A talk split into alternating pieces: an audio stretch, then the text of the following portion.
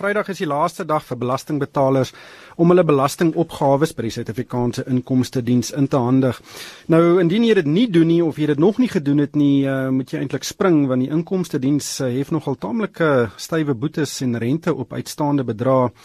Maar ongelukkig was hierdie belastingseisoen nou nie een van die maklikste vir belastingbetalers nie of ten minste dit is die persepsie um, en daar's baie belastingbetalers wat 'n bietjie gal braak oor die diens wat hulle by die inkomste diens gekry het uh, veral oor daar 'n groot aantal van hierdie belastingbetalers gevra is om stawende dokumente in te dien en daar's ook baie klagtes oor vertraagde terugbetalings.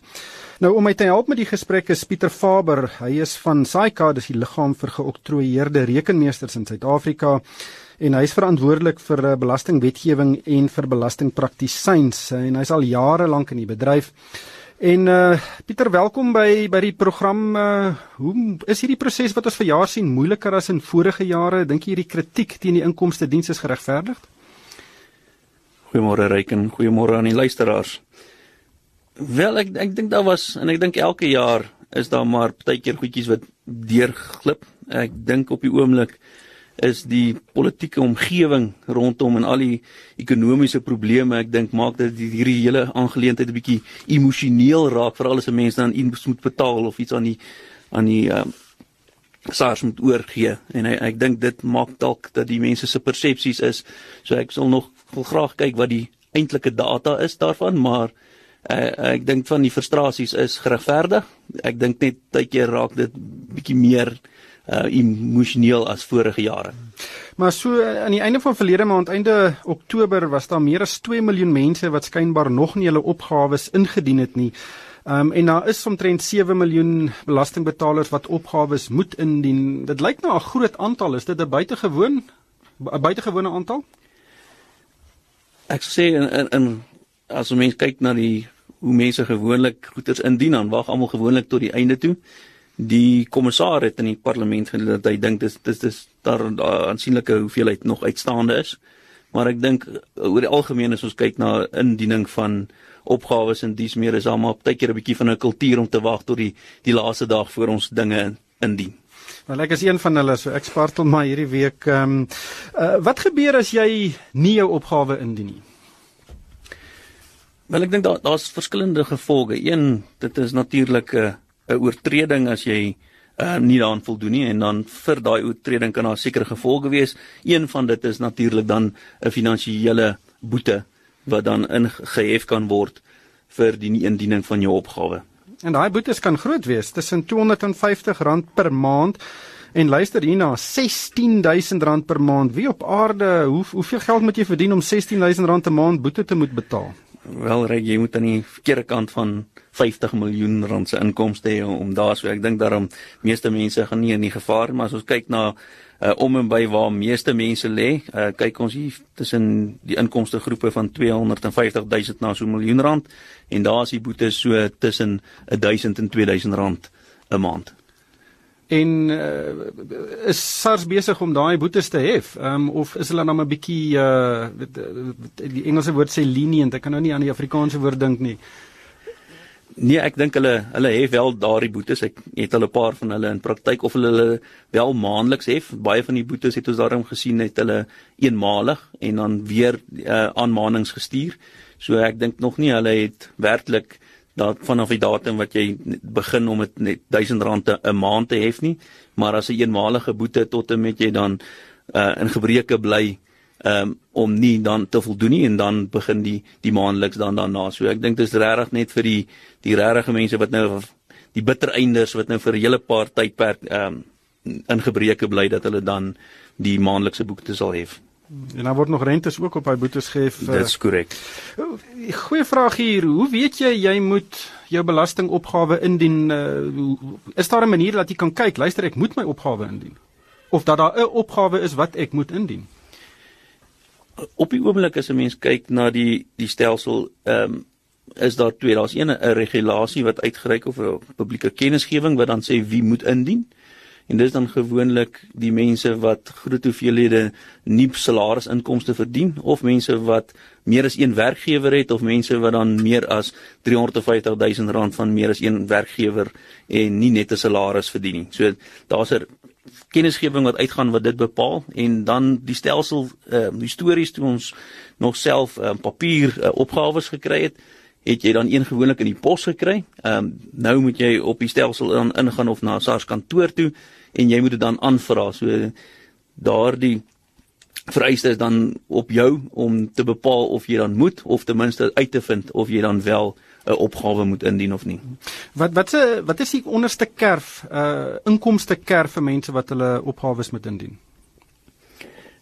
Wel die die inkomste kerf uh, daar's net 'n kerf as jy uh, salarisinkomste kry en geen ander ehm um, tipe uh, gawes en sulke tipe goed inkomste. Inkomste word uitgesluit. Ja, so sodra jy dan uh, besigheidsinkomste kry of huurinkomste dan raak jy onmiddellik verantwoordelik om 'n uh, opgawe in te dien of as jy meer as een werkgewer het en dis meer. So dit is letterlik net die mense ehm um, wat een opgawe ag een werkgewer het en een inkomste het uh sonder enige toelaas en dis meer wat onder 350 dae. Dis die enigste kerf tot 'n groot mate toe wat van toepassing is.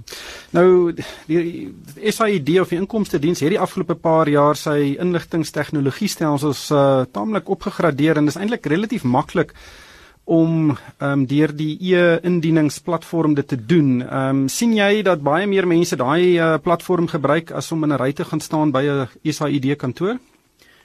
Ek dink oor die laaste paar jaar het ons 'n groot toename, maar ek dink daar's nog steeds 'n verskriklike groot hoeveelheid mense wat na 'n uh, SARS kantoor toe gaan om dan fisies die ding in te dien. Ehm um, en ek dink dit is dalk iets wat 'n mens moet na gaan kyk is om te vra maar hoekom? Is dit omdat hulle nie vorm verstaan nie, is dit omdat hulle nie rekenaars het of toegang tot die internet het nie?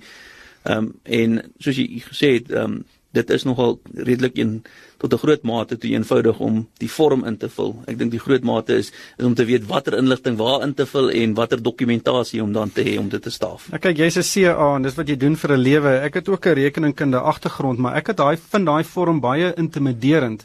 En ehm um, die oomblik as dit 'n bietjie uh, ingewikkeld raak, soos byvoorbeeld as jy hier inkomste het uh, of jy kan sekere ander ehm um, afskrywings doen, ehm um, soos uh, uitgawes wat jy by die huis aangaan, dan is dit nie so eenvoudig nie. Ehm um, wan wanneer moet jy 'n belastingpraktisyn begin gebruik om jou opgawe in te dien? Ryk ek ek dink jy maak presies die punt is dat sodra jy nie net 'n salaris verdien nie, dan begin dinge al hoe moeiliker raak en hoe meer addisionele goed soos toelae en dis en wat die reëls is om teen toelaas te eis en watter inligting jy moet hê om te staaf dat wat jy wel eis dan begin dit iets is wat ek dink jy ten minste 'n uh, praktisyn moet gaan sien. So as jy net toelaat jy moet eis dan dalk een keer om te gaan om te weet wat jy moet doen, maar sodra jy begin goeie soos 'n besigheid hardloop jy moet weet wat jy kan of nie kan afskryf nie. nie. Ek dink dan begin dit raak dat jy dalk meer op 'n 'n jaarlikse grondslag dan 'n praktisyn moet gaan sien. Maar vir persoonlike inkomste belasting uh, gewone mense ehm um, wat nie vertroue het om my vorm self in te vul nie. Ehm um, wat wat moet hulle doen? Ehm um, baie keer is daai vorm is jou behoeftes nie so ingewikkeld nie, maar jy het ook nie die vertroue om dit self te doen nie. Ehm um, hoe sal hoe sal jy vir daai mense raad gee? Wel, wat ons raad kan sê is om na jou plaaslike CA toe te gaan en of na jou enige ander geregistreerde belastingpraktisyn en maak seker dit is 'n geregistreerde belastingpraktisyn om jou dan te help om inligting in te win. Ehm um, op SARS se webwerf is daar ook nogal aansienlike inligting en waar mense dan kan kry om te verstaan om te lees wat die vorm uh, op die vorm moet ingaan, watter inligting is en wat beteken dit. So daar as jy mense gaan kyk na die die ITR 12 vorm is daar 'n uh, spesifieke handleiding daar rondom en dit is nogal uh, omvattend om dan te verduidelik so as dat as as dit dan 'n beginpunt is voor jy dan 'n praktisyn gaan sien.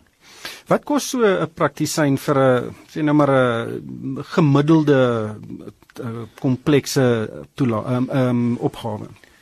Wel dit is baie moeilik om te antwoord ryk. Um, is dit 1000 rand, is dit 2000 rand, is dit 3000 rand? Wel as jy praat van kompleks kan dit enigiets tot en met 20000 rand plus wees as as jy kyk na goederes waar finansiële state en dis in baie ehm um, investering nodig het wat jy moet analiseer. So ek dink dit gaan maar regtig oor die hoeveelheid tyd wat hy 'n professionele persoon moet gaan moet toepas Ehm um, en dit gaan maar hoeveel tyd wat daardie persoon dan spandeer om om die opgawe in te dien. So ek, ek dink nie daar's noodwendig 'n uh, koste gekoppel aan. Die mense moet regtig gaan bepaal hoe die hoeveelheid werk en tyd wat daar moet ingaan om dit te verifieer dat die inligting korrek is. Want anders as ek dink in die rekenkunde is daar nie 'n wesentlikheids drempel nie. As dit verkeerd is, is dit verkeerd in belasting en alles moet 100% reg wees en ek dink dis wat mense moet verstaan ehm um, op jou finansiële state en dis meer as ek 'n 'n fout maak, as dit nie wesentlik is nie, dan kan 'n mens dit nog oorsien. Belasting is daar nie 'n wesentlike drempel nie. 'n Persoon moet alles 100% verifieer. En as jy dit nie doen nie, as jy nou 'n fout maak, jy weet 'n tik fout of 'n uh, eh, omdat jy nie iets nie verstaan nie, die vorm nie reg ingevul het nie, gaan SARS met jou na jou toe kom met 'n hamer. Wel, ek weet nou nie noodwendig om te hamer nie. Daar is verskeie prosesse um, om met foute um, uit te sorteer. So van die goeders kan jy 'n uh, opgawe herindien binne 'n sekere tydperk en dan die res van die goeders gaan mense tot op groot mate toe moet of na SARS kantoor toe gaan of deur die dispuutproses moet gebruik om dit dan reg te stel. Die dispuutproses is 'n hele paar SMS'e en ek gaan nou probeer om by almal uit te kom. Uh as jy nie saamstem met wat uh die inkomste diens uh, vir jou sê nie, uh hoe, hoe gaan jy te werk? Wel die die eerste vraag is is waarmee stem jy nie saam nie? En ek ek dink dis net om te bepaal en verstaan jy dit wat uh, die inkomste diens ehm um, gesê het hulle met jou verskil. So as jy iets ingedien het, het jy daardie proses en ek dink dis die dis die grondslag van enige dispuut is om te verstaan waaroor die dispuut gaan. As jy dan nie duidelikheid het daaroor nie, is daar 'n proses, maar dis intern met SARS. Want kyk, daar's nog 'n belastingombud oor ook. Wanneer gaan jy na hom toe? So wat ons kyk na die belasting is daar's twee. Die dispuutproses gaan oor as daar 'n 'n feitelike of regsgeskil is rondom 'n aanslag. Die ombud se mandaat gaan meer rondom die administrasie, so goeder soos die diens, ehm um, dat daar sekere administratiewe tydperke nie aan voldoen is nie. Ehm um, so enige administratiewe praktyk is dan waaroor 'n mens dan na die ombud toe gaan. Die ander goeders waar daar regs of feite geskil is met SARS rondom wat uh, rondom die aanslag dit moet jy dan um, hanteer in terme van die dispuutproses. Met jou ervaring eh, is uh die SARS uh, billik teenoor belastingbetalers wat sekere dinge betwis? Wel ons praat van billikheid rondom die interpretasie van van wetgewing. Ek dink SARS is nog altyd gesien as as billik rondom van hulle interpretasie. Ehm um, dit is wel mense wat ons mee werk so en komplekse wetgewing. So ek dink hoe meer kompleks dit as as ons kom rondom goeder se bewyse en ek dink dis waar goeder soos administrasie 'n probleem raak is daar 'n twis is rondom of die bewyse genoegsaam is en dis tipe goed, dan dink ek ehm um, begin mense van die opinie is of hulle wel voel dat hulle onregverdig en ek dink dis waar die onregverdigheid gevoel vandaan kom is dat iemand 'n uh, opinie inneem dat dit wat hy gegee het genoegsaam is en die SARS amptenaar aan die ander kant voel dat dit wat ingedien is nie genoegsaam is nie. So uh, die regsgespiete is 'n bietjie meer kompleks, maar prosesieel dis meestal waar nou die onregverdigheid emosie vandaan kom. Pieter, kom ons hardloop gou deur 'n klomp SMS. Uh, ek dink dit is eenvoudig as jy nie internet toegang het nie of uh, kan registreer by die e-indieningsportaal nie, gaan na die naaste belastingkantoor toe. Ek dink dit is uh, die enigste op uh, opsie wat mense het. Dis korrek. Hmm. Nou, hier's baie mense wat sê hulle verdien minder as uh, 65000 rand. Baie mense wat uh, afgetree is uh, wat basies 'n baie klein pensioen kry, maar hulle kry nog steeds 'n uh, aanslag om in te dien. Wat doen daai mense? Wel as, as jy pensioen kry, ehm um, gaan dit ook rondom jou ander inkomste. So hulle vra hulle kry aanslag om in te dien. Ehm um, ek dink ons moet die vraag 'n aanslag is gewoonlik iets waar jy klaar inkomste ingedien het en dit is eh, 'n uh, dokument wat dan sê hoeveel jy moet betaal. So as jy 'n pensionaris is en jy het baie ander inkomste, so sê maar jou pensioen is onder die drempel, maar jy het klomp ander ehm um, kapitaalwins en dividende en dis meer wat jy dan kry, ehm um, dan moet jy nog steeds 'n uh, opgawe indien. Baie mense kla oor terugbetalings wat vertraag is. Hulle sê hulle het al die dokumente ingedien wat uh die inkomste diens gevra het en nou wag hulle. En gewoonlik is daai betalings vinnig gedoen, maar nie nou nie. Is daar 'n probleem met terugbetalings? Ons het so ruk terug in 2016 bietjie navorsing op op hierdie ding gedoen. Ehm um, en die inligting wat ons het tot 'n groot mate is dat 60% van die mense wat dan teruggegee het op die navorsing of of antwoorde gegee het sê dat dit gewoonlik 'n auditproses is wat of 'n verifikasieproses wat die vertraging veroorsaak. En tot 'n groot mate toe dink ek is dit 'n die gevoel wat ons nou kry is dat daar meer audits en, en ons verstaan is is dat daar ook in die laaste paar jaar baie meer bedrog op sekere goederes plaasvind en dit is dan natuurlik 'n uh, dat die, die ontvanger dan meer prosesse in plek gaan sit um, om die goed te audit. So of dit vertraag is vir enige ander rede, die kan ek nie op kommentaar lewer nie, maar dit wat ons wel gesien het uit die inligting wat ons is die by verre grootte ehm um, terughouding van rondom audits en verifikasies. Hier's baie SMS'e SMS'e wat sê uh, hulle wil nie belasting betaal is nou nie meer so eh, 'n uh, prioriteit of 'n etiese ding nie want hulle baie van die geld verdwyn uh, binne die regering um, op onetiese wyse. Ehm um, dink jy belastingbetalers vat 'n paar kansse nou en en soos jy nou net gesê het, maar kan jy sien dat mense meer kansse vat en dat uh dit uh SARS nou noop om weet ekstra stappe in werking te stel? Ek het nog nie data gesien wat dit bevestig nie, maar ek dink daar is al 'n paar keer kommentaar deur praktisyns en dis meer gesien dat hulle gevoel is dat mense wel uh meer apaties is teenoor die betaling van belasting uh aangesien hulle die die aanwending van die belasting bevraagteken. En ek dink dit plaas die inkomste diens ook in 'n baie moeilike posisie want hulle het geen beheer oor hoe uh, belasting dan aangewend word nie en hulle rol is die inwinning van van daardie belasting. En ek dink daar is ander meganismes hoe 'n mens dan aanspreek en ek sien reg en as ons kyk na die die politieke gesprekke en die al die diepe goed wat op die oomblik aan die gang is, is daar ander forums waar dan daardie aspek aangespreek moet word. Isef Marie uh, het 'n SMS gestuur. Sy sê uh, die SARS kantoor in Pretoria Noord lewer uitstekende diens en ek het ongeveer 'n halfuur daar deurgebring en binne 2 dae 'n terugbetaling ontvang. Daar is ook goeie diens wat uh, die SAID lewer. Wel ek dink dis korrek en as ons kyk na die ehm uh, ontvanger se statistieke rondom terugbetalings, as ons kyk na die volumes, uh, lyk dit nog steeds of die oorgrootte volumes 'n uh, 90% plus ehm um, wel terugbetaal word. En die ehm uh, kantoor van die uh, belasting Oomboed het meer bevind dat dit baie die groter tipe bedrae is wat dan langer periodes vertraag word, maar dit maak ook dan meer sin is dat dit van 'n risiko oogpunt dat jy dan die groter bedrae uh, meer sal onderwerp aan audit prosesse. Hmm. Ehm um, stawende dokumente is ook 'n probleem. 'n uh, Hele paar mense sê in die van tevore het ons nooit ehm um, is ons nooit gevra om stawende dokumentasie in te dien nie, maar nou soek hulle uh dok, dokumente by my. Hulle het al twee keer verskillende dokumente gesoek. Ehm um, beskryf 'n bietjie wat is stawende dokumente en en hoe moet mense wat nou ewe skielik gevra word vir hierdie dokumente daarop reageer? Ryk ek ek dink die die een probleem wat ons wel ondervind met die modernisering van van 'n elektroniese stelsel soos e-filing is dat ons oorspronklik wegbeweeg het. As jy kyk histories het mense toe hulle opgawes ingedien het altyd al die stawende dokumente ingedien. Uh en later het dit toe verval dat dit uh, by navraag sou wees. So ek dink dis die eerste begin punt uh, waar ons dan as ons dan verder kyk, as 'n mens 'n opgawe indien, dink ek dit is baie belangrik dat jy nie 'n opgawe indien en enige syfer in daardie opgawe invul as jy nie stawende dokumente vir daai ehm um, bedrag het nie. So van jou inkomste items tot jou uitgawes, enige dokument of enige uh, syfer in daardie dokument moet gestaaf word deur 'n ander dokument. Nou as jy kyk na jou inkomste, het jy dan 'n verklaring deur jou werkgewer wat sê wat jou inkomste is, wat ons natuurlik verwys as die ERP5. As jy rente verdien van die bank af, het jy jou IT3 dokument vanaf die bank.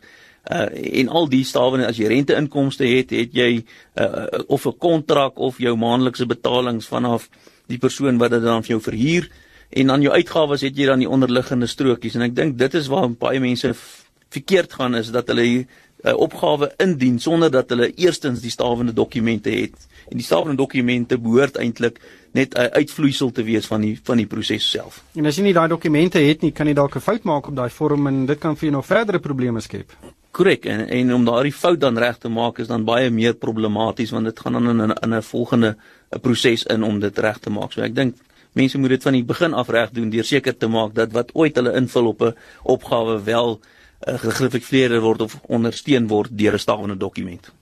My werkgewer het nie my uh, belasting oorbetaal nie en wil ook nie vir my 'n IRP5 vorm gee nie. Dis natuurlik eh, 'n uh, bewys van van jou salaris wat jy gekry het wat jy by 'n werknemer kry. Dit is 'n baie belangrike vorm die ERP5 vorm. Ehm um, wat doen so 'n persoon wat wil indien het nie 'n ERP5 nie en is die uh, jou werkgewer het dit ook nie oorbetaal nie. Dis 'n probleem. Dit is baie problematies. As die werkgewer wel die uh inkomstebelasting van die persoon weerhou het uh, en dit net nie oorbetaal nie, is dit natuurlik het jy dan 'n 'n situasie waar daardie skuld wel ehm um, aan SARS betaalbaar is. Nou in terme van die wetgewing moet jy eers jou werkgewer aanmaan om jou wel 'n uh, ERP5 uit te reik.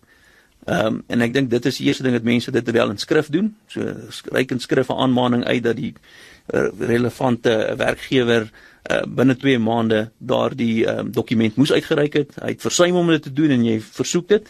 As dit dan nog steeds uh voldoen, dan moet 'n mens dan jou naaste SARS kantoor ehm um, nader met 'n beëdigde verklaring rondom die feite dat jou werkgewer wel versuim het en dat jy wel uh, stawende dokumentasie het dat jy wel dit aan van hom versoek het en dan is dit die verpligting van die inkomste diens om seker te maak dat hulle dit opneem met die relevante werkgewer. Ehm um, maar dit maak 'n problematiese posisie om dan stawend te wys dat my uh, goeder soos my betaalstrokies en dis meer wel aandui dat ek wel die belasting ehm um, betaal het aan die werkgewer of dat dit wel weerhou is van my salaris. Die tyd het ons ongelukkig ingehaal. Uh maar Pieter, die die sentrale boodskap van vandag is moenie nou nie dit niks doen nie. Uh gaan en kyk of jy 'n opgawe moet indien en as jy een moet indien, dien hom in. Anders te gaan jy 'n latblik wat vir jou baie seer gaan maak later. Ek dink dis korrek ryk. Ehm um, kry die dokumente in en ek dink wees bedag op watter stawende dokumente jy moet hê en kry die dokument in teen 12 uur op Vrydag die 24ste en en laat ons dan dit reg doen. Ek dink dit is net goed dat ons wel ons uh, belasting sake in orde kry. Dankie Pieter, dit was dan Pieter Faber van Saika wat so lekker saamgesels het. Ehm um, uh luisteraars is welkom om vir my 'n e-pos te stuur. My adres is ryk@moneyweb.co.za. En daarmee moet ons groet. Dankie vir die saamluister.